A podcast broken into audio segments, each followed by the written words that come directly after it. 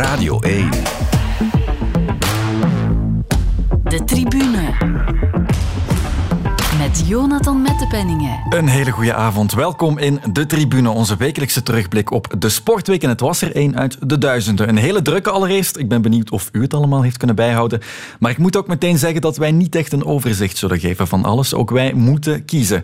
Ja, het laatste wapenfeit als wielrenner van Philippe Gilbert. Ja, de start in de cyclocross. En ja, ook Anderlecht dat nog eens wint in onze Pro League. En de zilveren medaille van Matthias Kassen.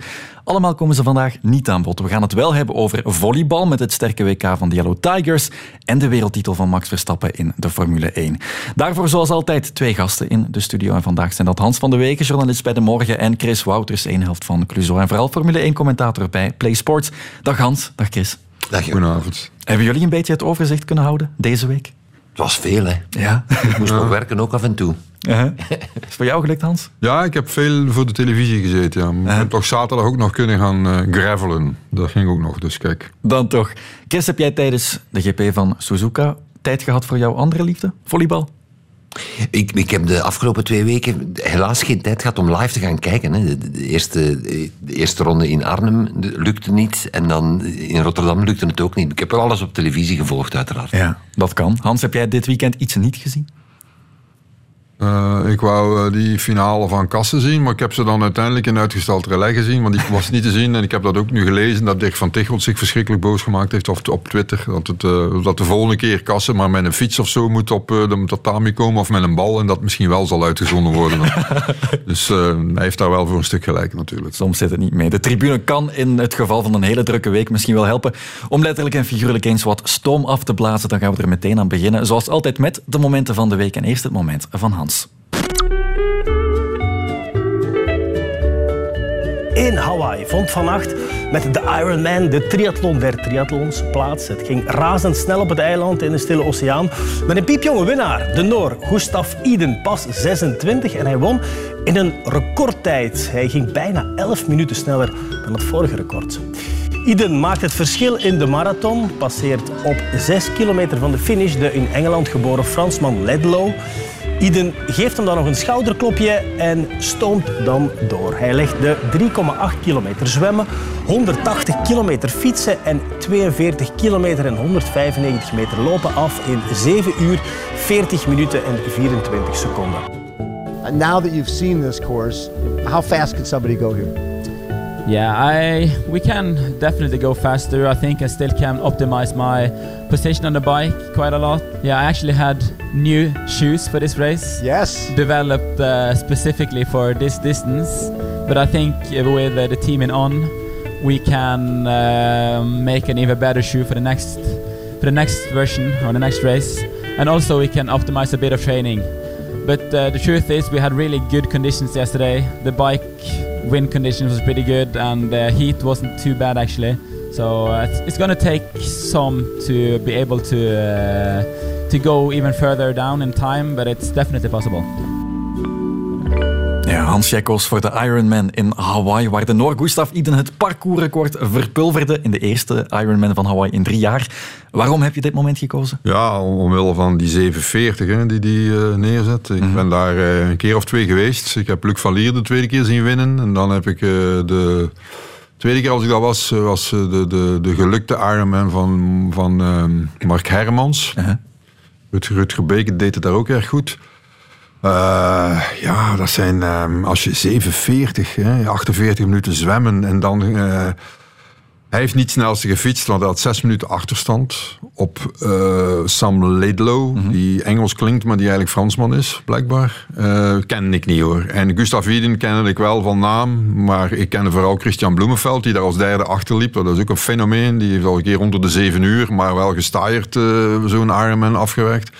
En ik heb dat moment ook gezien, waarop Gustav Iden uiteindelijk op 36 kilometer, kilometer 36 in de marathon, de andere inhaalt. Uh-huh. Hem een schoudertik geeft. Zoals Paul Heijer in 94 uh, met Groenendaal. Maar Groenendaal werd daar pisnijdig van.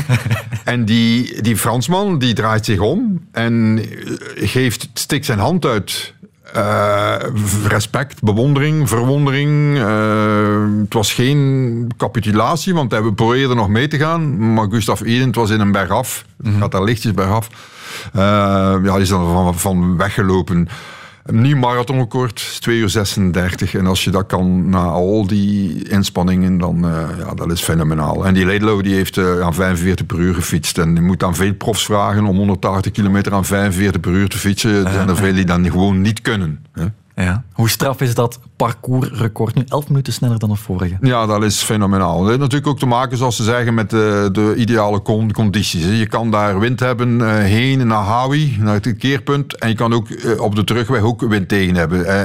Ik zeg nu niet dat ze twee keer wind in de rug hebben gehad, maar het zal waarschijnlijk of windstil zijn geweest. Ook niet zo vochtig en niet zo warm. Mm -hmm. Uh, Luc Valier heeft die condities ook eens gehad, in, dacht ik, in, uh, als hij de eerste keer won, was, waren het ook vrij goede condities. Uh, zat hij ook op 8 uur 04, wat toen al fenomenaal een tijd was. Uh, nou weet je alleen maar wat die gasten hebben gepresteerd vroeger met een gewone fiets. Hè? Want die Luc Valier die is daar eigenlijk niet met zo'n bolide beginnen rijden. Hè? De tweede keer dat Luc Valier de won trouwens was met een gescheurd kader. Dus dat ook nog eens erbij. Uh, ja, ik, ik, moet eerlijk zeggen, ik heb zelf ooit eens een Ironman gedaan. Maar dat, de tijd doet er niet toe. Dat was 12, 12 uur. En, en, maar ik weet wat het is. Ja, ja, tuurlijk. Ja, ja, het wereldrecord is trouwens verbeterd in mijn wedstrijd. En, en ik zeg altijd dat is omdat ik dan meedeed. Maar dat is niet waar. Want hij is met zijn tweede fietsronde voorbij gereden. Het was met waves, met golven dus. De tweede fietsronde is aan mij voorbij gereden. Ik had meteen een bronchitis. Ja. Dus, uh, maar deze Gustav Iden vertelde dus ook nog nog sneller te kunnen. En dat zou dan aan nieuwe schoenen liggen. Ja, dat heeft natuurlijk ook te maken met die nieuwe schoenen die zij, waar ze ook mee lopen. Hè. Ja. Die, die carbonzolen, uh, waarschijnlijk, ik weet niet meer wat hij lo- waar, waarmee hij loopt. Het is ook van geen belang meer. Vroeger was het alleen maar Nike. Nu lopen ze allemaal met uh, hele goede schoenen. Hè. Ik denk dat de winnaar, de winnaar van Londen heeft op Adidas gewonnen bijvoorbeeld van de marathon van Londen. Dus ze hebben allemaal die schoenen met uh, carbonzolen in. Die eigenlijk een soort return geven. Niet verend, maar die minder vermoeiend zijn. Uh, het zijn fietshoudingen inderdaad ook. Maar het probleem is natuurlijk dat je van dat zwemmen komt. Hè. Mhm. En een fietshouding, daar moet je verschrikkelijk op trainen. En ze kunnen niet allemaal gaan liggen zoals Remco Evenepoel. Hè, die op jonge leeftijd daarmee begonnen is. Want je komt van dat zwemmen, je moet dat zwemmen trainen, je moet dat lopen trainen. Remco Evenepoel, als hij nog zou lopen, zou ook niet zo plat kunnen liggen uh, zoals hij nu ligt. Dus die CDA, zoals dat noemt, die frontale weerstand, kan nog wel beter voor die triatleten, vermoed ik. Maar aan de andere kant is het inboeten op comfort. En als je dan met uh, verzuurde hamstrings moet beginnen lopen, dan is het helemaal ellende. Dus het is allemaal van op jonge leeftijd te doen. En dat is die Gustav Iden, die was drie jaar geleden al uh, wereldkampioen, de jongste wereldkampioen op de halve. Ja. Die is waarschijnlijk op heel jonge leeftijd echt triatleet geworden. En vroeger hadden we eigenlijk omgeturnde zwemmers. Hè? En dat is niet meer. Nu zijn het echt mensen die kiezen voor triathlon. Nee, dat is waar. Heb je hier ook meer dan zeven uur voor de tv gezeten? Nee, nee, nee, nee, nee. Ik heb het maar gevolgd via, via Sportza. En bovendien met een verschrik, die verschrikkelijke website van Ironman. Dat is echt een, een, drama. Dat was al een drama als ik daar uh, was. En, en, en, dat was echt, dat is nog altijd... Je krijgt daar bijna geen informatie door. En, en uh, ja, de athlete tracker, maar daar ben ik niet veel mee. Maar dit is gewoon... Ja, en ook NBC geeft daar wat informatie, maar allemaal veel te laat. Dat lijkt gewoon nergens op. Het is echt heel slecht georganiseerd door de Ironman. Dat is altijd al geweest. En, en dat blijft ook zo. Maar ja, het is het Walhalla. Hè? Het is het Walhalla. Chris, jij gaat ons al even helpen voorbeschouwen op het volgende thema. Dit is jouw moment. Ja, opslagmisser. En dit helpt ook natuurlijk. Zet punten voor de Yellow Tigers tegen Brazilië. Onmiddellijk afmaken zou ik zeggen. En Herbots links vooraan. Ja, het moet nu naar Herbots. Ah, staan er met drie, hè? Met drie. Drie blok. Ja, dat zie je heel weinig drie bij de vrouwen. De heel weinig zie je dat bij Ja, er komen wel veel dingen terug bij Brazilië uit het mannenvolleybal, vind ik. Ook in defense. Die is beter. Dat is wel goed, ja. Voilà. Oké, okay, we en krijgen nog een set. Dan krijg je alle aanvalsopties voilà. die mogelijk zijn. Brit Herbots nu achteraan. Maar, okay, uh, maar ja, misschien kan hij het oplossen met een ace. Geen ace, maar nu naar vier. Voilà! Ja. De set is binnen. Ho, ho 26, 28. Killblok op Gabi. Ja. Ja, ik had een voorgevoel, Mark. Hij had een voorgevoel. De eerste set van de Yellow Tigers tegen Brazilië, de nummer 1 op de wereldranking. Waarom heb je dit moment gekozen, Chris? Ja, ik wou eigenlijk het hele toernooi kiezen, maar het moest van de afgelopen week zijn. Mm-hmm. De eerste set tegen Italië twee weken terug was ook fantastisch. Um, ja, ik ben een groot volleyballiefhebber. En wat de Yellow Tigers nu op, op 2K gedaan hebben, is... is gewoon supergoed. Ze hebben mm-hmm. eigenlijk een, een, een heel, heel, heel goed toernooi gespeeld. En, en uh, ja, Gert van den Broek heeft, heeft dat team op zijn maximale waarde laten spelen. En dat is bijzonder moeilijk in het volleybal. Ik heb nu die wedstrijd tegen Brazilië gekozen omdat dat een, een ehm, geweldige eerste set was tegen het nummer 1 van de wereld. Ook in de topfavoriet voor het, eh, voor het toernooi. De finale is nu zaterdag. Ehm, ja, en het was een, een set die een beetje op en af ging. En de, de Yellow Tigers namen een zeer goede start. Maar dan kwamen die Brazilianen een beetje op toerental. En dat is een, dat is een fenomenaal team met, met fenomenale wereldsterren in het vrouwenvolleybal. Ze geraken drie punten op achterstand, de Yellow Tigers. En toch, op de een of andere manier, tonen ze ja, wat, wat hun ploeg eigenlijk... De reputatie van hun ploeg is een ploeg die nooit stopt met vechten en altijd blijft geloven dat het kan. En ze hebben twee keer een achterstand teruggehaald. Wat tegen een ploeg als Brazilië echt ja, eigenlijk een, een ongelooflijke prestatie is. Het heeft veel te maken met opslagdruk. In de eerste set hebben ze fantastisch goed... eh, eh, een fantastisch goede service gehad. En hadden de Brazilianen daar wat moeite mee. De rest van de wedstrijd is dat een beetje gekeerd. Ja. Maar eh, ja, om dat te doen tegen zo'n wereldteam, dat toont toch wel de potentie van een nog wel bijzonder jonge groep in de totaliteit. Absoluut, we gaan straks ook verder op de Yellow Tigers. Ik weet niet of veel mensen het weten, maar je hebt wel iets met volleybal, Chris. Ik ben een gewoon grote volleyballiefhebber. Ik, ik speel al 31 jaar volleybal. Ehm, op mijn 17 begonnen, nu word ik 58. Het gaat wat minder vlot, mag ik wel zeggen. maar, eh, maar het spelletje blijft geweldig plezant. Ik vind dat de mooiste sport van de wereld, omdat het... ehm, het is technisch moeilijk, je, je- het is fysiek eh, uitdagend, je, je gebruikt je hele lichaam, je moet er een beetje intelligent voor zijn om het op hoog niveau te kunnen spelen. Ehm, wat ik overigens nooit gedaan heb, voor alle duidelijkheid. Maar het is, ja, het is een, een, een topsport, heerlijke sport. De tribune. Dat het af en toe een beetje kon ondersneeuwen in deze hele drukke sportweek valt ergens wel te begrijpen, maar hier in de tribune willen we toch wat meer naar boven trekken. De knappe prestaties van de Yellow Tigers op het WK volleybal. Liggen er ergens kansen voor de Yellow Tigers of is, is dit Mission Impossible zo'n match? Het zal heel moeilijk worden, maar eh, ik denk dat wij moeten gewoon spelen zonder na te denken, genieten. En ehm, misschien kunnen we beginnen met één set, dat zou heel mooi zijn. Ja, ja, ja, ja, ja, ja, ja. 21-25. Yellow Tigers pakken een set tegen Italië. 11 uur, goedenavond. 14 nieuws met Sophie Verbrugge. Onze Yellow Tigers hebben op het WK volleybal voor vrouwen gewonnen van gastland Nederland. Op het WK volleybal in Nederland maken de Yellow Tigers nog altijd kans op een plaats in de kwartfinales. Om die kans gaaf te houden, moesten ze gisteravond absoluut winnen van Argentinië. En dat hebben ze gedaan ook met 3-0. Volgende opdracht, zaterdag of zondag winnen tegen of Brazilië of China. Sport op het WK volleybal hebben de Yellow Tigers in Rotterdam met 3-1 verloren van de nummer 1 in de wereld, Brazilië. Het verslag is van Geert Heremans. Een uur lang hebben de Yellow Tigers het wereldtopper Brazilië lastig gemaakt. De eerste set was er een van bijzonder hoog niveau. En het is voorbij. China wint de tweede set met 25-18, net zoals de eerste. En dat betekent dat de Yellow Tigers niet naar de kwartfinales gaan. En zo werd het de negende plek voor de Tigers op het WK. Het WK 2022 was al lang een hoofddoel voor de nationale vrouwen. Ehm, denk je dat het potentieel op dit moment ook ingelost is, Hans? Ja. Ja? Moet eerlijk zeggen, ze hebben beter gepresteerd dan de meesten zouden verwachten in het volleybal. Hè. Mhm. Eh, er is wat aan de hand geweest met dat team. Er zijn ook, het is niet het allersterkste team dat hier heeft gespeeld. Ze hadden bijvoorbeeld, en je ziet ook, en dat zag je ook al in de wedstrijd tegen Nederland, zie je op een bepaald moment de spel voor het eerst dat ze in de problemen komt, waar ze eigenlijk heel goed, goed heeft gespeeld tot op dat moment. Ik vond dat heel erg goed. Eh, maar dan ja, ja, schiet ze er mentaal onderdoor. En dat is een constante gebleven gedurende het hele toernooi. En dat kan je haar niet verwijten, want ze is vrij jong. eh, Ze is ook vrij nieuw daarin. Hè. Ze heeft haar zus moeten vervangen, die niet meer met het team wil spelen. Eh, en dan zie je dat er toch wel wat, eh, dat eh, ondanks alles dan, ja, die, die Kim Herbots die gewoon iedereen om, overhoop slaat. dat is voor mij, en dan zal Chris waarschijnlijk wel weten waarover ik het heb, dat is voor mij het beste wat België heeft sinds Jo, Jo Bates, hè. Absoluut. In een aanval. Ik heb daar met open mond naar gekeken. En als er één is die weet, eh, ik ken hoofdaanvalsters van de nationale ploeg hoor. Ik ben met één getrouwd, dus, eh, maar van 30 jaar geleden. En eh, ik kijk daar met zeer veel belangstelling naar, maar met gezonde belangstelling zal ik zeggen, Ja, ja, ja, naar ja. Kim Herbots. Hè. Maar Is, is Britt Herbots, even zeggen. uh, Britt Herbots, zo wat zeg ik nu. Ik, ik, ik, ja, ik, eh, ik, ik, wist, ik wist niet wat ik zag. Ze, ze vloog. Hè. Ik bedoel, het is echt een flyer. Ze komt eh, op tweede tempo komt ze achter de drie meterlijn in de pipe, zoals dat dan heet.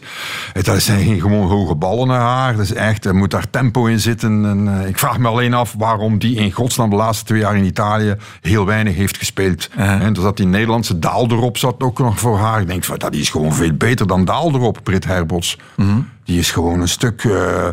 ja, mobieler eh, en, is het is echt een beest. Eh, en, maar, en heel dat team trok zich op aan haar, maar ze hadden, als ze daar een, ja, een opposite hadden bij gehad, die, die een aanvalsdruk kan weghalen en die ook kan zorgen dat er achter die drie meterlijn iets kan gebeuren op de rechter, rechtsachter, dan heb je veel meer spreiding van de spelverdeling en kan dat blok aan de andere kant zich ook niet te veel meer concentreren. En dat was ook een, een beetje een probleem. Hè. Eh, daar is geen opposite eh, bij België, omdat de opposite ook heeft geweigerd om voor het nationaal team te spelen. En dat gaan ze moeten oplossen in de toekomst. Maar wat ik nu heb gezien van al die andere vrouwen, pure klasse, echt waar. Dus er is toekomst in dat, in dat team. Ik hoop alleen dat het schisma dat in het volleybal heerst nu, vrouwenvolleybal, dat dat niet ehm, dodelijk wordt voor dit team. Hè. Want er is wel wat eh, te repareren. Hè. Dat is- zullen nu uitspraken ook komen van het bondsparket ten aanzien van de bondscoach. Eh, en ik weet echt niet wel- welke richting het uitgaat. Eh, maar dit zou wel een keer heel zwaar kunnen wegen op het team, hoor. Ja, het zijn allemaal vragen die we kunnen doorspelen aan Britt Herbot zelf, want we hebben momenteel een telefoonlijn open liggen met dus een van de uitblinksters bij de Yellow Tigers en op het WK in het algemeen. Britt Herbots, goedenavond.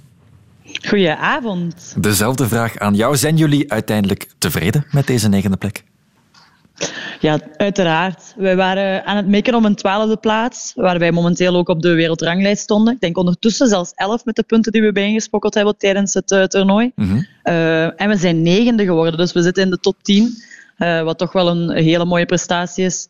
Eh, we waren aan het hopen een beetje op die kwartfinale natuurlijk, op, nog een laatste stunt in die tweede fase. Eh, maar ja, daar kwamen wel echt ploegen tegen die ons toch wel een beetje overmeesterd hebben. Dus eh, heel tevreden met toch die negende plaats. Ja, ik denk dat heel het land, of toch een groot deel van het land, mee aan het hopen was. Want volleybal blijft op zich een relatief kleine sport hier, maar door prestaties zoals bijvoorbeeld tegen Nederland maak je ze groot. Heb je dat misschien ook zelf wat aangevoeld? Ja, allee, dat was leuk gewoon. Ik denk volleybal, het is, het is geen kleine sport. Het, is, het wordt klein gemaakt in België, denk ik. Eh, in veel landen is het wel een heel belangrijke sport. Eh, maar dan begonnen we wel te merken met de resultaten, of met de, de, de prestaties die we aan het, aan het maken waren daar, dat toch meer en meer mensen aan het volgen waren. Kregen we steeds meer en meer berichtjes en zo. Mensen die ook wedstrijden volgden, die totaal nog nooit een wedstrijd volleybal hadden gekeken of zo. En dat was toch wel leuk. Allee, je kreeg het gevoel dat België een beetje mee aan het volgen was. Ehm, dus ja, ben blij dat we volleybal toch even een beetje in beeld hebben kunnen brengen in België. Ja, opnieuw stunten tegen Brazilië of China was dan nodig in die tweede groepsronde. Dat lukte niet. Geloofden jullie er zelf wel nog in? Tuurlijk, ja. Je moet ook blijven spelen vol geloof. Eh, ja, anders had het ook gewoon geen zin meer gehad. Hè. Ehm, wij, wij hebben echt wel voluit gespeeld. We hebben gevochten als tijgers. Eh, ze waren gewoon beter. En eh, dan konden we ons daar ook wel bij neerleggen van ja, kijk, we zijn een beetje overklast. Dan is dat ook zo. We hebben wel gevochten van de eerste tot de laatste bal. Eh, we hebben nooit opgegeven. Dus eh, toch vier dat we ook als ploeg die wedstrijden toch op een, goed, op een goede manier afgesloten hebben, zal ik het zo zeggen. Ja, wie niet veel van de sport kent en wel op tv gekeken heeft of op de radio luisterde, die heeft heel vaak de naam Britt Herbots gehoord. Openen we de statistieke pagina's, dan vinden we je daar twee keer een grote foto van jou bovenaan als hoofdaanvalster. Maakt je namelijk eh, 222 punten en ook qua aanvalspunten 203 dacht ik, niet op service of via een blok dus. Zoiets moet je trots maken, denk ik. Ja, dat is leuk. Allee, ehm, ik weet dat ik heb wel een heel belangrijke rol op dat vlak in de ploeg. Dus eh, ik weet dat ik veel ballen krijg, dat ik ook veel punten moet maken. Ehm, maar ja, dat dat dan zo goed is uitgedraaid, dit toernooi was wel extra leuk. We hebben wel als ploeg echt gewoon goed gespeeld. Hè, want we hebben uiteindelijk... Allee, het is een ploegsport, je hebt iedereen nodig. de, de feit dat iedereen goed speelt, eh, maakt dat ik mijn rol nog beter kan uitvoeren. Ehm, maar ja, dat was, eh, dat was wel kicken, dat was wel leuk, ja. Ja, uiteraard is het een teamsport. Hè. Jullie team is op vele vlakken ook nog een jong team. Hoe zat het eigenlijk met het gevoel in de ploeg zelf? Want zowel tegen Italië als tegen Nederland, ook tegen Brazilië in de eerste set, leken jullie heel sterk en, en nauwelijks uit de focus te slaan? Nee, dat is allee, en chapeau voor zo'n jonge ploeg om dat toch te kunnen. Ehm, we hebben echt ja, een ploeg met een gemiddelde leeftijd denk ik, van 23 jaar, wat dus eigenlijk niets is in tegenstelling tot uh, veel andere ploegen met veel ervaren spelers en zo. Laat ons zeggen dat onze sterkte het, jeugd, het jeugdig enthousiasme was. Ehm, en dan ja, toch op die manier spelen tegen zo van die ploegen, van die wereldploegen. Uh, nogmaals, chapeau. Dan die, die stunt tegen Nederland in een volle zaal met allemaal mensen met een oranje truitjes. Ja, dat was gewoon helemaal genieten. En uh, ja, chapeau. Dus ik wil nog maar zeggen dat we gewoon op enkele jaren nog meer stappen kunnen zetten misschien. En misschien de resultaten nog beter kunnen maken. Uh, en nu moet het gewoon genieten zijn op wat we gepresteerd hebben met deze jonge ploeg. Ja, inderdaad. Jij bent er 23, kapitein Celine van Gestel 25. En Silke van Avermaat inderdaad ook bijvoorbeeld 23.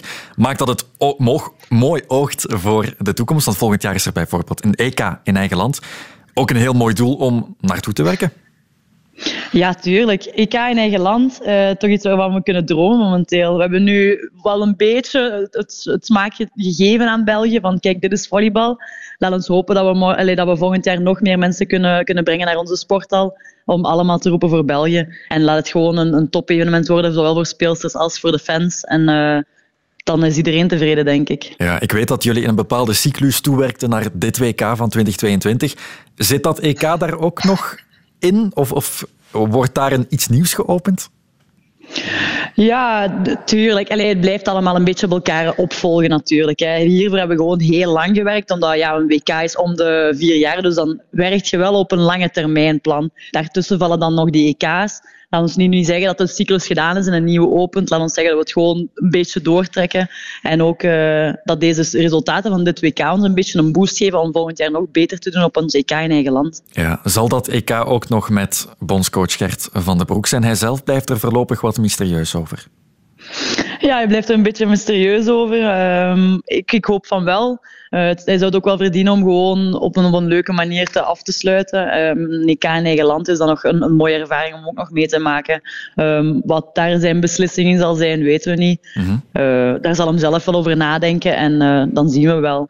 Uh, voor mij zou het alleszins top zijn, moest hij er ook nog bij zijn op het EK in eigen land. Ja. Ja, dat er controverse was over de coach, daar kunnen we niet, niet langs. Heeft dat, heeft dat op een manier misschien nog meegespeeld in, in opbouw naar het WK? Goh, dat was uh, even gewoon aan het begin van onze zomer. Dus aan het begin de start van uh, de nationale ploeg. En dan daarna was het voor ons speelsters ook wel gewoon van kijk, voor ons is er geen probleem, wij gaan verder. En dan hebben we die pagina ook wel heel vlot kunnen omslaan. Mm -hmm. um, dan daarna was het voor ons echt totaal geen probleem meer. We hebben ook gewoon op een rustige, serene manier kunnen werken. Het enige, ja, de vragen, de, de interviews, die blijven wel vaker voor hetzelfde terugkeren. Uh, wat niet altijd even leuk is, maar uh, voor de rest in onze ploeg heeft er totaal niets meer daarvan geleefd. Dus uh, dat, was, dat was goed, dat was ook nodig voor deze ploeg. Dus we hebben op een goede manier kunnen werken en de resultaten mogen ook gezien worden nu. Ja, zeker. Kan jij nu een, een rustperiode inbouwen na het WK of ga je meteen terug naar de club? Ja, het zijn uh, twee dagjes thuis en uh, woensdag vlieg ik al terug naar Firenze. en daar verwachten ze dat ik uh, vrijdag al mijn volleybalschoenen terug aan doe. Dus het is een korte periode. Maar ja, kijk, ik voel me momenteel wel goed. Een beetje vermoeidheid, maar dat lijkt mij wel meer dan normaal.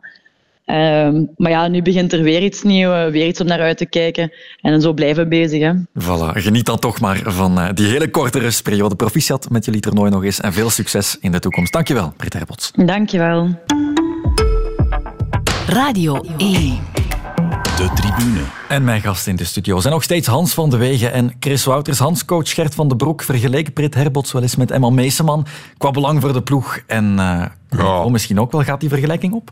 Absolute wereldklasse, Britt Herbots. Echt absolute wereldklasse. Ik heb dit nog nooit gezien. Uh, in vrouwenvolleybal ze is ook beter dan wat we ooit hebben gehad in het mannenvolleybal. Alleen, zoals ik zei, nu gaat ze in Italië, in Firenze, waarschijnlijk een ploeg krijgen die in functie van haar speelt. Mm -hmm.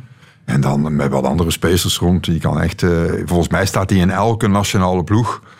Zal die uh, op de vier staan, hè? dus links voor staan hè? Uh, als hoofdaanvalster. En zal ze achterin door, midden, door het midden komen, de pipe zoals dat dan heet.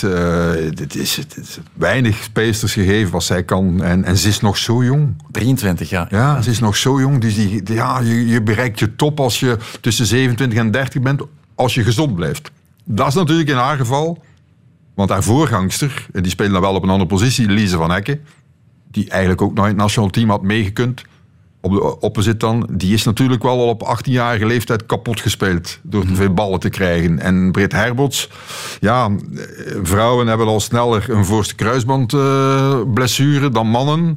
Eh, dat is gevaarlijk. Hè? Zo overbelast worden in zo'n wedstrijd. Want ja, er gingen dus heel veel ballen naar haar. Tegen Nederland heeft ze 42 punten gescoord. Dat is ongezien. Hè, in Heel veel, ja. Ja, ja. Chris, ik weet niet of jij een hoofdaanvalster eh, als vriendin hebt, maar kan jij het een beetje inschatten? Wat vind jij van Britt Herbot? De Wereldtop, hè, op haar positie, eh, receptiehoek. Zonder twijfel heeft ze ook getoond, die 2K. Dus echt, die statistieken in sommige wedstrijden waren hallucinant gewoon.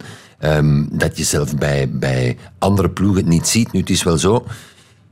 Ze is het zwaartepunt van de Yellow Tigers. Dus, en wat ze zegt klopt. Als de rest van de ploeg goed speelt, kan zij haar job nog beter doen. Maar het zou toch fijn zijn mocht er een opposit zijn die een, beetje lood van haar kan wegnemen. Ehm, maar ja, wat zij op die leeftijd presteert, dat dat is, dat is hallucinant eigenlijk. En, en in België heb ik dat nooit, nooit gezien. Je had inderdaad, je had Wout Wijsmans nog bij het mannenvolleybal, Ook, die, ja. die in Italië een fenomenale carrière heeft gemaakt. Eh, en Brit is daar zo'n beetje de vrouwelijke tegenhangster van. Het is wel leuk om zo iemand in je ploeg te hebben natuurlijk. Hè. Ehm, maar zij gaat ook enorm goed om met, met de druk die, op die leeftijd. Want zij moet dan de dingen oplossen. Hè. Als er een moeilijke bal komt of de, een slechte verdediging, die bal wordt hoog naar haar gegooid. eh, op, op positie 4 of, of, of op positie 6.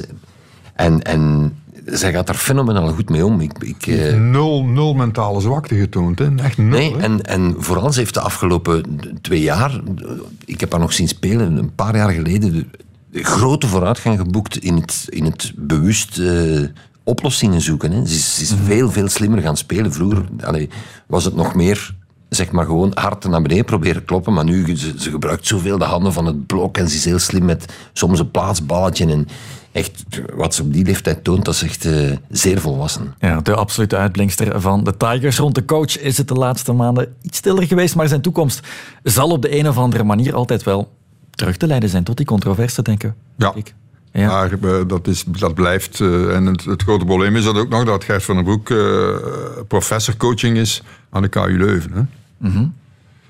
Er zijn twee mogelijkheden. Ofwel komt er uit dat bondsparket eh, niks. Die zeggen, ja goed, er zijn wat klachten geweest van spacers, maar kijk eens, eh, het team, ja, dat is nu eenmaal zo. Je kan, je kan niet koken zonder eieren te breken. Eh, dat kan een, reactie zijn. Het kan ook zijn dat het bondspakket zegt van, we hebben hier te veel klachten om niet mee om te gaan. Hè? En hoe antwoordt u daarop, eh, meneer Van den Broek, of zoiets? Hè? Ja, en dan... Ik heb mensen gehoord die mij zeggen, hij is geen coach meer straks. En ik heb ook mensen gehoord die zeggen, er is niks aan de hand. Dus eh, ja, ehm, we moeten het afwachten. Er zijn heel veel mensen ondervraagd, eh, gedurende maanden. Ze hebben er een beetje lang over, gedaan. En, eh, maar Gert van den Broek heeft wel getoond, en dat is natuurlijk ook zijn tegenstanders geven dat ook toe, dat hij een vakman is. Dat hij weet waarover hij praat als hij een volleybalteam samenstelt en dat team op dat veld zet. En ik heb ook gezien wat hij heeft gedaan met zijn spelverdeling, die dan niet lukte. Hij brengt dan een andere spelverdeelster in, die eh Franstalige. En dan, brengt hij dan nog Elise van Sas in, die een beetje groter is voor het blok. Dus ja, het is een vakman. En eh, de Yellow Tigers verdienen iemand van zijn niveau. Hm, Want ze hebben ontzettend veel talent, echt waar. En er komen nog mensen aan. Hè, die, eh, er zit daar een, een, een Franstalige opposite. Ik denk dat ze Martijn heet. Ze is een paar keer ingevallen. Is ook heel jong. Ja, nog een beetje bezweken onder de druk nu, maar veel potentieel. Ja. Ja, met veel potentieel. Dus echt, die ploeg heeft, eh, heeft echt het potentieel. En met een, met een stabiele spelverdeling eh, kan je op elk toernooi voor medailles gaan met zo'n team. Dan oogt dat heel goed voor het EK volgend jaar in eigen land. De tribune. Van een sprookjesverhaal dat eindigt met een uitschakeling naar een titel die behaald werd met een anticlimax. Want Max Verstappen is na de GP van Japan toch wel zeker, ja ja, opnieuw wereldkampioen in de Formule 1. I mean, the championship, of course, it would have been great to win it here, but uh, we have a great opportunity, of course, for, for next race. Yeah, well, have a, have a good break before we go to the next race. Well, it seems Charles got a five second penalty for going through the chicane. Max, I think it's maybe have changed for you. Come back in. Charlie got a five second penalty there after the little sort of race we had with, uh, with Sergio. World champion. Well, what can I say? Incredible, of course. En toch is er nog steeds onzekerheid, ook bij Verstappen. Zeker wanneer hij als kerstvers wereldkampioen op een geïmproviseerde troon moet gaan zitten. But I, for world champion. But I'm not, so. What? Okay, thank you. But I'm not, no? I am? Yes, you are. Yes, you are. You sure? Yes. Heb je zelf het gevoel dat je toch nog weer gegroeid bent als coureur? En, en ja, hoeveel voldoening geeft dit? Nou ja, ik denk dat het is altijd het doel natuurlijk om als coureur te groeien. En ik denk dat dat meer komt uh, door de ervaring, door de jaren heen. En wat je natuurlijk ook ervaart gedurende de, de weekenden. Um, ja, daarom denk ik dat deze wel fijner voelt uh, als vorig jaar. Alleen aan de andere kant, afgelopen jaar was emotioneler. Omdat dat natuurlijk de, de allereerste is. En natuurlijk ja, echt, echt de allerlaatste ronde, laatste race. Maar ja, allebei zijn ze natuurlijk heel speciaal. Ja, eerst niet, dan wel anticlimax Verstappen. Net zoals vorig jaar is er dus wat controverse rond de titel van Verstappen. In een andere vorm wel, Chris. Want iedereen wist wel dat de Nederlander wereldkampioen zou worden. Maar het is toch jammer voor de sport dat het op deze manier gebeurt, denk ik. Het was een farce. Uh-huh. Het was echt... Uh, ja, het was belachelijk. En er wordt hem ook de, zeg maar de eerronde en de radioboodschap na zwart-wit geblokte vlag van je bent de wereldkampioen. Mm-hmm. Alle emoties die erbij komen kijken, dat werd hem helemaal afgenomen. Um, ja, FIA, ik weet het niet. Ik heb naar, uh, naar een paar vrienden uh, ge-sms'd. Fédération Internationale des Amateurs. um, ze hebben vorig jaar na de, de trieste vertoning in Spa waar ze twee rondjes achter de safety car hebben gereden om officieel een race te hebben en dan ook punten te kunnen uitdelen. Zijn ze bij elkaar gaan zitten, hebben ze nieuwe reglementen um, in voegen laten treden. Die zeiden, als je maar zoveel ronden rijdt, is het voor een kwart van de punten. Vanaf zoveel ronden, vanaf de helft van de ronde, is het voor de helft van de punten. Vanaf 75% van het aantal ronden is het voor volle punten. Dus iedereen ging ervan uit in die regenrace van afgelopen zondag. Um, ja, ze hebben, ze hebben net de helft van de ronde, ik denk één, één rondje meer dan de helft hebben ze gereden. Dus iedereen ging ervan uit, dit is voor de helft van de punten. Ze zaten lang niet aan 75 procent. Blijkt nu achteraf dat er een soort loophole is in het nieuwe reglement, waardoor eh, die puntentelling alleen maar telt als een race wordt afgebroken door slechte omstandigheden van weer of een ongeluk of wat dan ook. En dus als er op dat moment geen uh, volledige raceafstand kan worden afgelegd. Maar niemand wist dat. Nee. Teams niet, Verstappen zelf niet, wij als commentator niet. Niemand wist, in heel de wereld wist niemand dat. Dat was echt totaal belachelijk. Hoe heb jij dat moment dan live zelf meegemaakt als commentator? Ik zat, ik zat, ik wou zeggen gelukkig, maar eigenlijk is het jammer, maar ik zat niet in commentaar, omdat we, Koen en ik waren zelf aan het racen in Zolder ah, ja, ja, okay. uh, zondag. dus het was, het was mijn collega Gert uh, Vermers die in commentaar zat. Um, ik heb uiteraard dat, dat allemaal bekeken. En ja, ze, ik, ik, ik was Gert volop gelijk aan het geven van nee, hij heeft één punt te weinig hè, als je halve punten telt. En, en ja, het, eigenlijk is dat heel jammer voor de sport, want de sport heeft de laatste jaren natuurlijk een, een, een uh, enorm extra succes gekend door de Drive to Survive-serie op Netflix. En er heel veel mensen die ervoor niks hadden met Formule 1, nu toch Formule 1 beginnen kijken. Oké, okay, die Drive to Survive is een beetje belachelijk op sommige momenten. Die wordt een beetje gefaked links en rechts, ook met commentaren. Maar het toont wel wat Formule 1 is op een allez, redelijk juiste manier. Toch op sommige momenten, ze, op zijn Amerikaans focussen ze een klein beetje te veel op, op oneenigheden tussen mensen natuurlijk. Maar ja, het heeft heel veel mensen richting Formule 1 gelokt. Um, dus ik vind, ik vind het gewoon jammer voor Max Verstappen, die dit seizoen toch alles en iedereen naar huis heeft gereden. Ja, en Sammy Nering zei dan bij ons: het wordt steeds meer een sport voor de echte kenners. En dat is net jammer als die pool van fans groter wordt. Ja, ik, ik geloof het niet dat het meer een sport voor echte kenners wordt. Het een beetje ook van wat je, wat je in commentaar bijvoorbeeld meegeeft. Je moet altijd rekening houden. Er zijn een hoop mensen aan het kijken die de sport niet echt goed kennen. Dus je moet soms eenvoudige dingen nog eens uitleggen. Laat ons zeggen, als je liefhebber bent, dan kan je heel diep graven in die sport. Wordt het alleen maar interessanter. Maar als je er niet zoveel van kent, blijft het gewoon heel spannend en spectaculair om naar te kijken. Dus het is eigenlijk een sport die die altijd goed binnenkomt, vind ik. Ook als je niet echt een kenner bent. Ja, er zijn wagens aan het racen, soms op spectaculaire manier. Met nu zondag weer fenomenale gevechten in de regen. Dat was gewoon heel leuke autosport om te bekijken. Ook al ken je allee, de laatste details niet van wat er omgaat in de teams en met de wagens enzovoort. Mm um, ja, ik vind het alleen maar jammer soms als ik commentaar lees van ja, maar Het is de auto die zo snel is. Natuurlijk is die wagen snel en Max Verstappen zal geen kampioen worden in een Williams. Maar ehm, hij heeft een teamgenoot die met dezelfde wagen rijdt en die, die ja, naar huis rijdt. Ehm, overigens komen de beste piloten toch uiteindelijk altijd in de beste wagens terecht. En wat Verstappen dit jaar heeft laten zien was van een zodanig niveau, zo goed als foutloos. eh, snel op het juiste moment, slimmer dan vroeger op het juiste moment. Vroeger dacht hij alleen maar aan winnen en zelfs nog korter op de bal aan die wagen voor hem passeren. En veel verder dacht hij misschien nog niet, hij was ook nog zeer, zeer jong. Maar nu eh, op zijn 25, twee titels.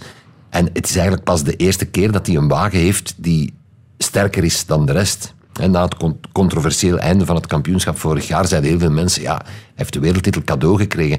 Oké, in die laatste wedstrijd zijn er dingen gebeurd die niet helemaal reglementair waren. Ook al heeft een racedirecteur de, de power om te doen wat hij wil eigenlijk en dingen naast zich neer te leggen. Hij wilde absoluut nog die laatste ronde racen, want hoe triest was het geweest dat het wereldkampioenschap achter een safety car werd beslist. dat, dat, daar, daar was ook heel veel commentaar op gekomen. Dus, ehm, maar ook vorig jaar heeft Max een, een, een spectaculair goed seizoen gereden. Ehm, en dit jaar ja, werd het nog maar eens dubbel duidelijk. Maar als Hamilton nu met een auto van Max Verstappen rijdt en Max Verstappen rijdt met een auto van Hamilton, wie wordt de wereldkampioen? In dit seizoen? Ja? Hamilton, denk ik. Ja. Dus ik noem dat geen sport, Chris. Ja, Hans, maar daar ben ik het echt niet mee eens. En, voor, en vorig jaar was dat helemaal belachelijk voor iemand die naar de sport kijkt. En jij bent een volleybalkenner. Het is alsof dat ze zouden zeggen... De Yellow Tigers staan 24-19 voor tegen Brazilië. En dan... Krijgen ze vijf punten in. Gebeurt er, iets, gebeurt er iets raars. En dan zeggen ze... Ah, maar nu komen Brazilië en de Yellow Tigers op gelijke hoogte. Dat was dan die situatie dat er een of ander... Excusez mo kieken tegen een muur rijdt... die er niks met die andere twee te maken heeft. En dan mogen ze weer ineens weer samen. Ik denk van... Wow, ik was dan ook aan het kijken. Omdat ik, ja, ik wist als sportliefhebber... Ja, dit zou een heel spannende race worden. Dus we gaan kijken. Ik ga ook eens kijken. Dan denk ik van ja, nu is het echt wel goed geweest hoor. Sorry. Ik moet eerlijk zeggen, ik moet u wel eerlijk zeggen, jullie commentaar leert mij wel een en ander. Want dat vind ik ook wel goed. Jullie leggen het ook wel uit. Hè. Dat was dan, in die tijd was dat nog met dat speciaal systeem dat ze op dat rechtstuk ergens op een knop konden duwen dat ze er voorbij konden of zo. Ben de naam DRM? Of? DRS, ja. DRS, ja. Dat bestaat nog altijd. hè. Ah, bestaat nog steeds? Oké, sorry. Ja, goed. Ik heb niet te veel meer gekeken sinds vorig jaar. Ja, dat is gewoon als je binnen de seconde van Maar ik vind het allemaal goed uitgelegd. Vind, en, en dat is wel juist. Je wordt er naartoe getrokken. En Drive to Survive bekijk ik ook als ik op de, op de roller rijd thuis. Eh, vind ik wel boeiend eh, om te zien. En, en het is veel lawaai en, en, enzovoort. Maar... Laten we zeggen dat de FIA echt de afgelopen jaren een paar keer moeite heeft gedaan om het te verbrodden. Ja, hè?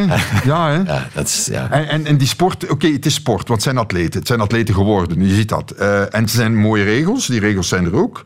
En ehm, er is sprake van een competitie. Maar het moet een beetje logisch zijn, hè, de uitslag. Ja. Maar dat, is, dat is die ook ergens. Hè? Eh, als je vorig jaar, oké, die laatste race was vreemd geëindigd, maar als je het hele seizoen bekeek, dan kan je alleen maar zeggen: Verstappen is de verdiende wereldkampioen. En je zegt dit jaar, je vergelijkt hem met, eh, met Hamilton, die op dit moment in een minder goede wagen zat. Eigenlijk moet je vergelijken met Charles Leclerc, die in de Ferrari het gros van het seizoen de snelste wagen heeft gehad. Die ook veel meer poleposities heeft gereden dan Verstappen.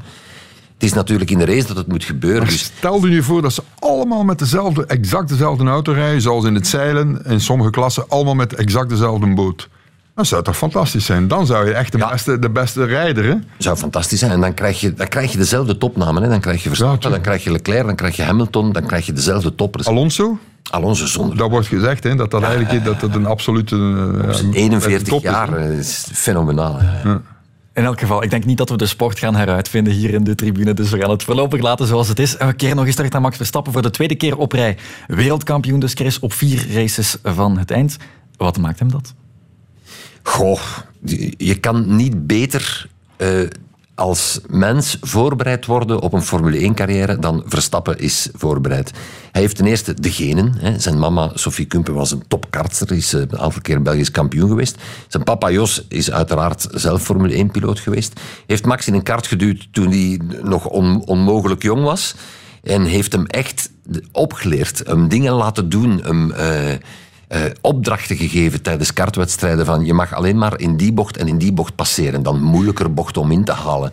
Dat soort dingen. Eh, heeft hem achteraan laten starten om hem te dwingen om iedereen voor, voorbij te, te moeten steken. Heeft hem in, in natte omstandigheden laten, laten rijden, gewoon om dat allemaal aan te leren. Ehm, dus hij is ja, ik ga niet zeggen een machine, want dat, zou- dat zou, het zou een beetje beledigend zijn. Maar hij is zo goed.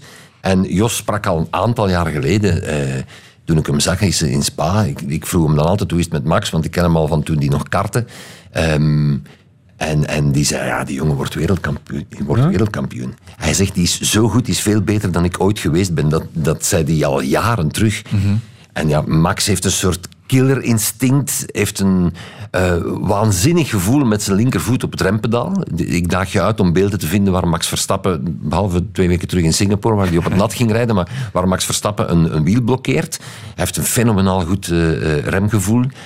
En ja, driver skills, uiteraard bijna zou ik zeggen. Maar dat, dat krijg je wel als je vanaf je vier jaar daarmee bezig bent. Ja, hij was uberdominant dit seizoen, nogthans na die slechte seizoenstart, want het begon niet goed. Ik denk 12 zegens op 18 races.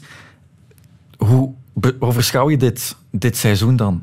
Qua kwaliteit zeg je dan, vorig jaar was het superspannend, dit jaar was het toch iets anders? Ja, het is dit jaar niet zo spannend geweest, omdat vooral Ferrari een aantal steken heeft laten vallen. Strategisch, eh, ook motorisch, waren ze dan niet altijd heel betrouwbaar. Maar ik herinner me, na drie races dit seizoen stond Max 46 punten achter in de, in de stand om het WK. En hij zei, ja, we kunnen het kampioenschap vergeten. hij was twee, twee keer uitgevallen op drie races.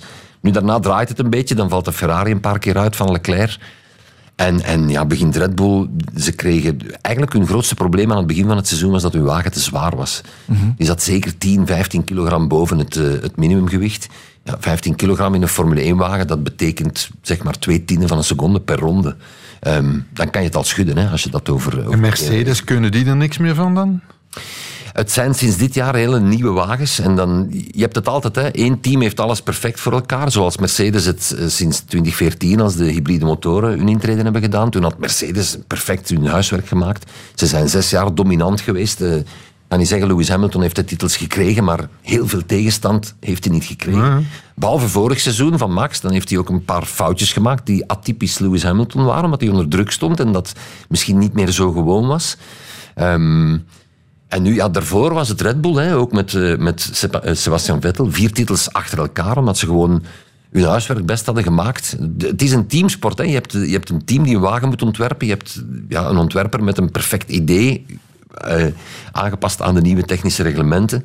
En sinds dit jaar heb je dus opnieuw volledig nieuwe wagens. En ja, blijkbaar heeft Red Bull en Ferrari, die hebben hun huiswerk het best gemaakt. En hebben ze volgend jaar weer nieuwe wagens of blijft het nu eventjes? Nee, nu blijft het even zo, ja. Volgend jaar hebben ze dezelfde wagens. ja. Ja, je zegt dat Hamilton zes jaar lang weinig concurrentie heeft gehad, of niet de allergrootste concurrentie. Wat zeg je nu van Verstappen voor de komende jaren? Zijn er concurrenten om hem van een reeksje af te houden? Ja, zeker. Mercedes heeft grote stappen gezet dit seizoen. Ze, ze zijn begonnen aan het seizoen met een wagen die echt veel te traag was. Ehm, maar de laatste paar races, ze hebben regelmatig met twee op het podium gestaan. De laatste paar races zijn ze terug ook snel in qualifying. Ehm, dus ik verwacht dat die nog stappen gaan zetten tegen volgend seizoen. En Ferrari, die hebben gewoon een wagen die intrinsiek bijna even snel is aan het eind van het seizoen nu. Aan het begin van het seizoen waren ze zelfs sneller dan eh, Red Bull. Maar zij hebben eh, on the field eh, tijdens de race een beetje te veel ja, strategische blunders gemaakt. Ook een paar rijdersfoutjes, een paar eh, technische problemen. Als zij het helemaal voor elkaar hebben, dan zijn ze volgend jaar een grote concurrent voor Red Bull. Ja, ik heb het zo lang mogelijk uitgesteld, want we wachten natuurlijk nog altijd op iets. De FIA zou vandaag een strafuitspraak doen over Red Bulls overschrijden van de budgetcap vorig seizoen. Die is er nog altijd niet. Wat wel gezegd is, is dat het een lichte overtreding zou zijn. Minder dan 5% te veel uitgegeven, denk ik. Kan je even uitleggen wat die regels dan exact zijn, Chris, waar er nu naar gekeken wordt? Ja, tot voor twee jaar waren de topteams eh, Red Bull, Mercedes, Ferrari, die gaven vermoedelijk, want er zijn geen officiële cijfers van, tussen de 500 en de 600 miljoen euro per jaar uit aan het maken van dus een snelle wagen, of twee dan. Eh, om een beetje meer level playing field te krijgen, heeft de FIA dus een, eh, een cost cap ehm, ingesteld sinds vorig seizoen. Toen mochten de teams maximaal 145 miljoen euro, eh, dollar liever, uitgeven aan de ontwikkeling van de wagen.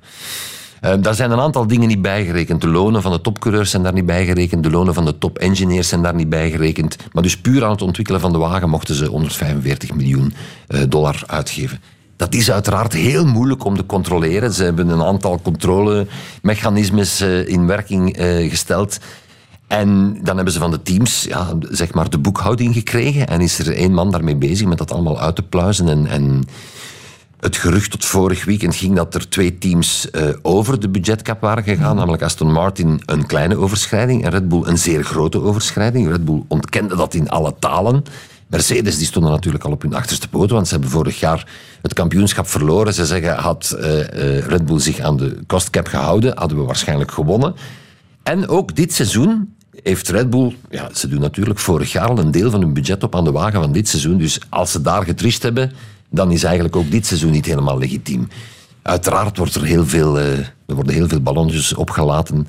Uh, in de Britse pers vooral werd daar heel, heel druk om gedaan. Die hebben nog altijd niet verteerd Lewis Hamilton vorig jaar uh, de titel niet heeft gewonnen.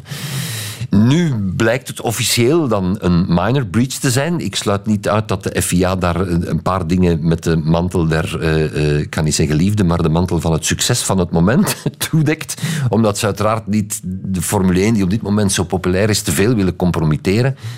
Maar het spreekt voor zich dat er, als er daar fouten zijn gemaakt, dat er... Uh, dat er straffen moeten volgen. Ze gingen niet echt al een straf uitspreken hoor. Vandaag gingen gewoon uh, eigenlijk al voor het weekend, maar ik denk niet dat ze wilden dat dat de mogelijke kampioenstitel van Verstappen in de weg stond. Ze gingen voor het weekend al bekendmaken of er effectief overtredingen waren geweest tegen de budgetcap. Dat blijkt nu het geval te zijn. Uh, en daar zijn verschillende mogelijke sancties tegen. Als het een minor breach is, wat het nu officieel gemaakt uh, is, dan zal het ja, misschien bij een boete blijven of wat aftrek van punten bij de constructeurstitel of misschien zelfs bij de rijderstitel. Maar uh, constructeurs lijkt me logischer, want het is het team dat uh, de overtreding maakt. Uh, in het geval van een zware breach, dan zijn er andere straffen mogelijk. Hè. Dan kan je zelfs de zwaarste straf is dat je uit het kampioenschap uitgesloten wordt. Mm -hmm. Dus ze hebben veel tools, maar ze moeten gewoon heel duidelijk stellen van kijk, dit is er gebeurd en dat zijn daar de straffen voor.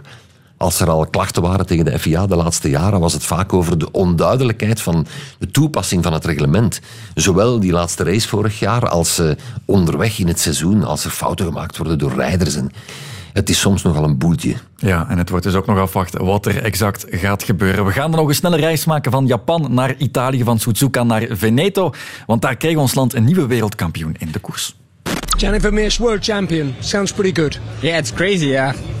I think uh, it was one of, one of the biggest chances for me to once become world champion. And uh, I cannot believe I'm gonna have uh, the white rainbow jersey uh, to have it in my house. Ja, Gianni Vermeersen, waar is de allereerste wereldkampioen gravel? Niet Mathieu van der Poel, ook niet Sagan of Van Avermaat, maar wel Gianni Vermeers mag een jaar met die regenboogtrui rondrijden. Al is het ook meteen de vraag hoe vaak we die te zien zullen krijgen. Komen we meteen op terug. Eerst en vooral Hans, jij bent zelf een grote liefhebber van gravel. Je doet het zelf ook. Uh, schat je deze wereldtitel dan ook ja, maar hoog in? Het is niet omdat ik op een gravelfiets rijd dat ik weet wat het is om nee, nee, nee, Maar uh, nee, ja, uh, ik schat dat eigenlijk wel op een... kijk, Gianni Vermeers is een goede, goede coureur. Hè. Mm -hmm. Een heel goede wielrenner. En die heeft al zijn waarde bewezen ook voor Alpecin. En als, als uh, hulp voor uh, Mathieu. Dus uh, ja, die is ontsnapt samen met Os. En dat peloton, dat reed niet te hard. Ja, Mathieu van der Poel kon er onmiddellijk, niet onmiddellijk beginnen achter uh, aanrijden. Heeft dan wel op het einde nog wel, uh, heb ik hem een paar keer zien trekken.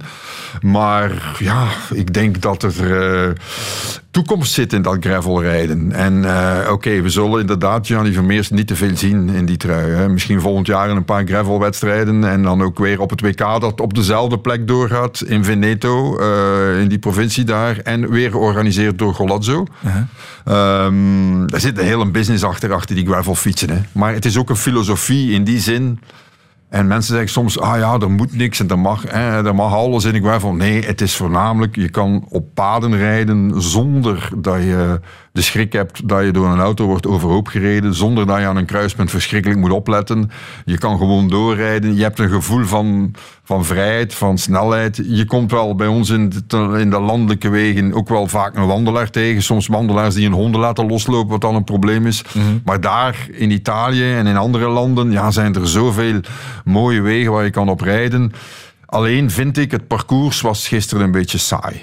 Ja? Ja, uh-huh. ik vond het saai. Het was niet selectief genoeg, ook niet. Uh, het was redelijk plat. Uh, en ze gaan dus moeite vinden om iets te vinden tussen het technische van de cross, het ubertechnische van mountainbike. Uh-huh. En de gravel WK zal richting gaan waarschijnlijk van uh, de lange mountainbike wedstrijden, uh-huh. die nu ook al bestaan, de marathons. Ehm, en daar gaan, ze, ja, daar gaan ze toch moeten kijken hoeveel gravel willen we, hoeveel asfalt mag er, eh, wat moet er absoluut in zitten. Er zullen geen drops in zitten zoals bij de mountainbike, van die heel ingewikkelde dingen zullen er niet in zitten, moeilijke dingen. Maar je hebt nu gezien, de meesten hebben gewoon met een wegfiets gereden. Hè? Met dikke banden op, want die clearance op die nieuwe wegfietsen is ook heel groot. Er kan dan makkelijk met een 38 mm op, een 40 mm. Ik weet niet waarmee ze gisteren hebben gereden. Ehm, maar een normale gravelbike was dat niet. Hè? Want de gravel- gravelbikes van Canyon zien er toch anders uit dan waarmee Mathieu gereden heeft, eh, heb ik gezien. Dus ja, het wordt een beetje moeilijk, denk ik, om daar een echt, eh, ja, echt iets van te maken. Dat is waarschijnlijk waar. Bram Tankink, ex-wielrenner en ook fervent graveler, was deze middag te horen in De Wereld Vandaag op Radio 1. En hij was er eh, best positief over, onder andere over het deelnemersveld. Het is veel mooier dat Jannie Vermeers wint, hè, die al een naam heeft in de cross en op de weg. eh, en die daar Mathieu van der Poel klopt en Daniel Os. Dan dat, wij, dat de mensen winnen die, die wij niet kennen. Dat, dat spreekt gewoon minder aan. En, en nu, nu heeft het de aandacht. Ja, dat Jannie ook eh, nu ereburger wordt. Nou, dat zegt al, dat zegt al genoeg. Mensen, mensen hebben het nu onder de aandacht. Dat is toch fantastisch? Ja, Vermeers werd dus ook ereburger van Houthulst. De top 10 van dat WK ziet er ook zeker niet slecht uit, maar het zijn toch ook een paar renners met, met een verhaal die ook zelf uit de cross komen of bijvoorbeeld naar daar gaan voor een pleziertje op dit moment? De elfde is, is pas een echte specialist. Hè? En van de Amerikanen die gravel hebben uitgevonden, is er geen spoor te bekennen. Dus dat wordt, een, dat wordt weer een West-Europees event. Hè? En, en over twee jaar is het WK hier in Vlaanderen. Ik weet niet waar ze het zullen organiseren. Ik vermoed eh, ergens in Aspengouw of zo, eh, waar heel veel van die gravelpaden liggen.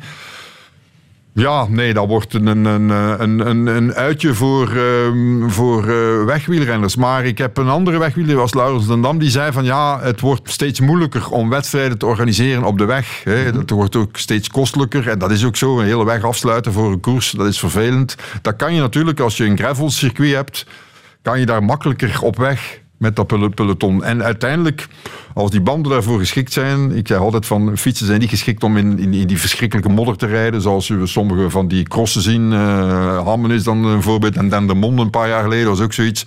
Daar zijn die fietsen niet voor geschikt. Maar een gravel, ja, dat is mooi. Alleen, de meeste gravelwedstrijden zullen in de zomer doorgaan. Hè? Ja. En in de zomer zijn er ook wel andere wedstrijden die ook belangrijk zijn. Hè. Er zijn grote rondes, eh, ja, dus dat wordt eh, concurrent van elkaar. En op een duur zullen natuurlijk Sagan en Van der Poel ongeveer alles moeten meerijden om zich interessant te maken voor die fietsenmerken. Maar daar komt ook een eind aan op een bepaald moment. Ja. Denk je dat we Vermeers vaak gaan zien in zijn regenbocht? Nee, tuurlijk niet. Nee. Die zal eh, voor het team moeten functioneren. Hij zal waarschijnlijk heel veel in de, in de cross rijden nu. Dan mag hij die trui niet aandoen. Hè. Wie is er wereldkampioen? Pitcock. Ehm, op de weg mag hij die ook niet aandoen. Eh, daar is het eh, uiteraard Remco Evenepoel. Eh, in de tijdritten ook niet. Ja, dus ja, als hij gravel rijdt, ja, als hij gravel rijdt, als hij, naar Amerika, hij zal waarschijnlijk in Amerika worden uitgenodigd. Misschien mag hij dan gaan van, zijn team. En Canyon is daar zeer in geïnteresseerd, zijn fietsenmerk. hè, Die hebben een goed gravel gamma. Dus ja, ja. waarschijnlijk wordt hij een paar keer, zal hij een paar keer in die trui rondrijden. Maar hij kan hem op, hij kan hem boven zijn schoorsteen hangen. Hè. Absoluut, dan heeft het een plaatje. Dan zijn we bij het einde gekomen van deze tribune en dan wacht de klassieke slotvraag op jullie. Waar kijken jullie nog naar uit in de komende sportweek? Er is wel wat keuze opnieuw. Oei, oei. 2K baanwielrennen bijvoorbeeld. Ja. Zegt dat jou iets, Hans? Ja, zeker. Ja. Omdat ik een fan ben van Lotte Kopecky en ook van de manier waarop de Belgen dat nu eh, aanpakken. dat is in Frankrijk, hè. het WK bij in de buurt van Parijs. Ja, ik, hè. Ehm, ja, baanwielrennen vind ik altijd wel mooi. eh, ja. Op dezelfde baan waar dat ze in, eh, op de Spelen zullen rijden trouwens. Dus het is een voorbereiding ook. Precies, voilà. Kijk, daarom is ook de reden waarschijnlijk dat Lotte gaat. Ja. Dat denk ik ook. Dan kan ik alleen maar afsluiten met een bedanking aan jou, Hans van de Wegen, en ook aan jou, Chris Wouters. Dankjewel om tot hier te komen. Volgende maandag is er een nieuwe aflevering van de Tribune. En dan is Nicola de Brabander uw gastheer.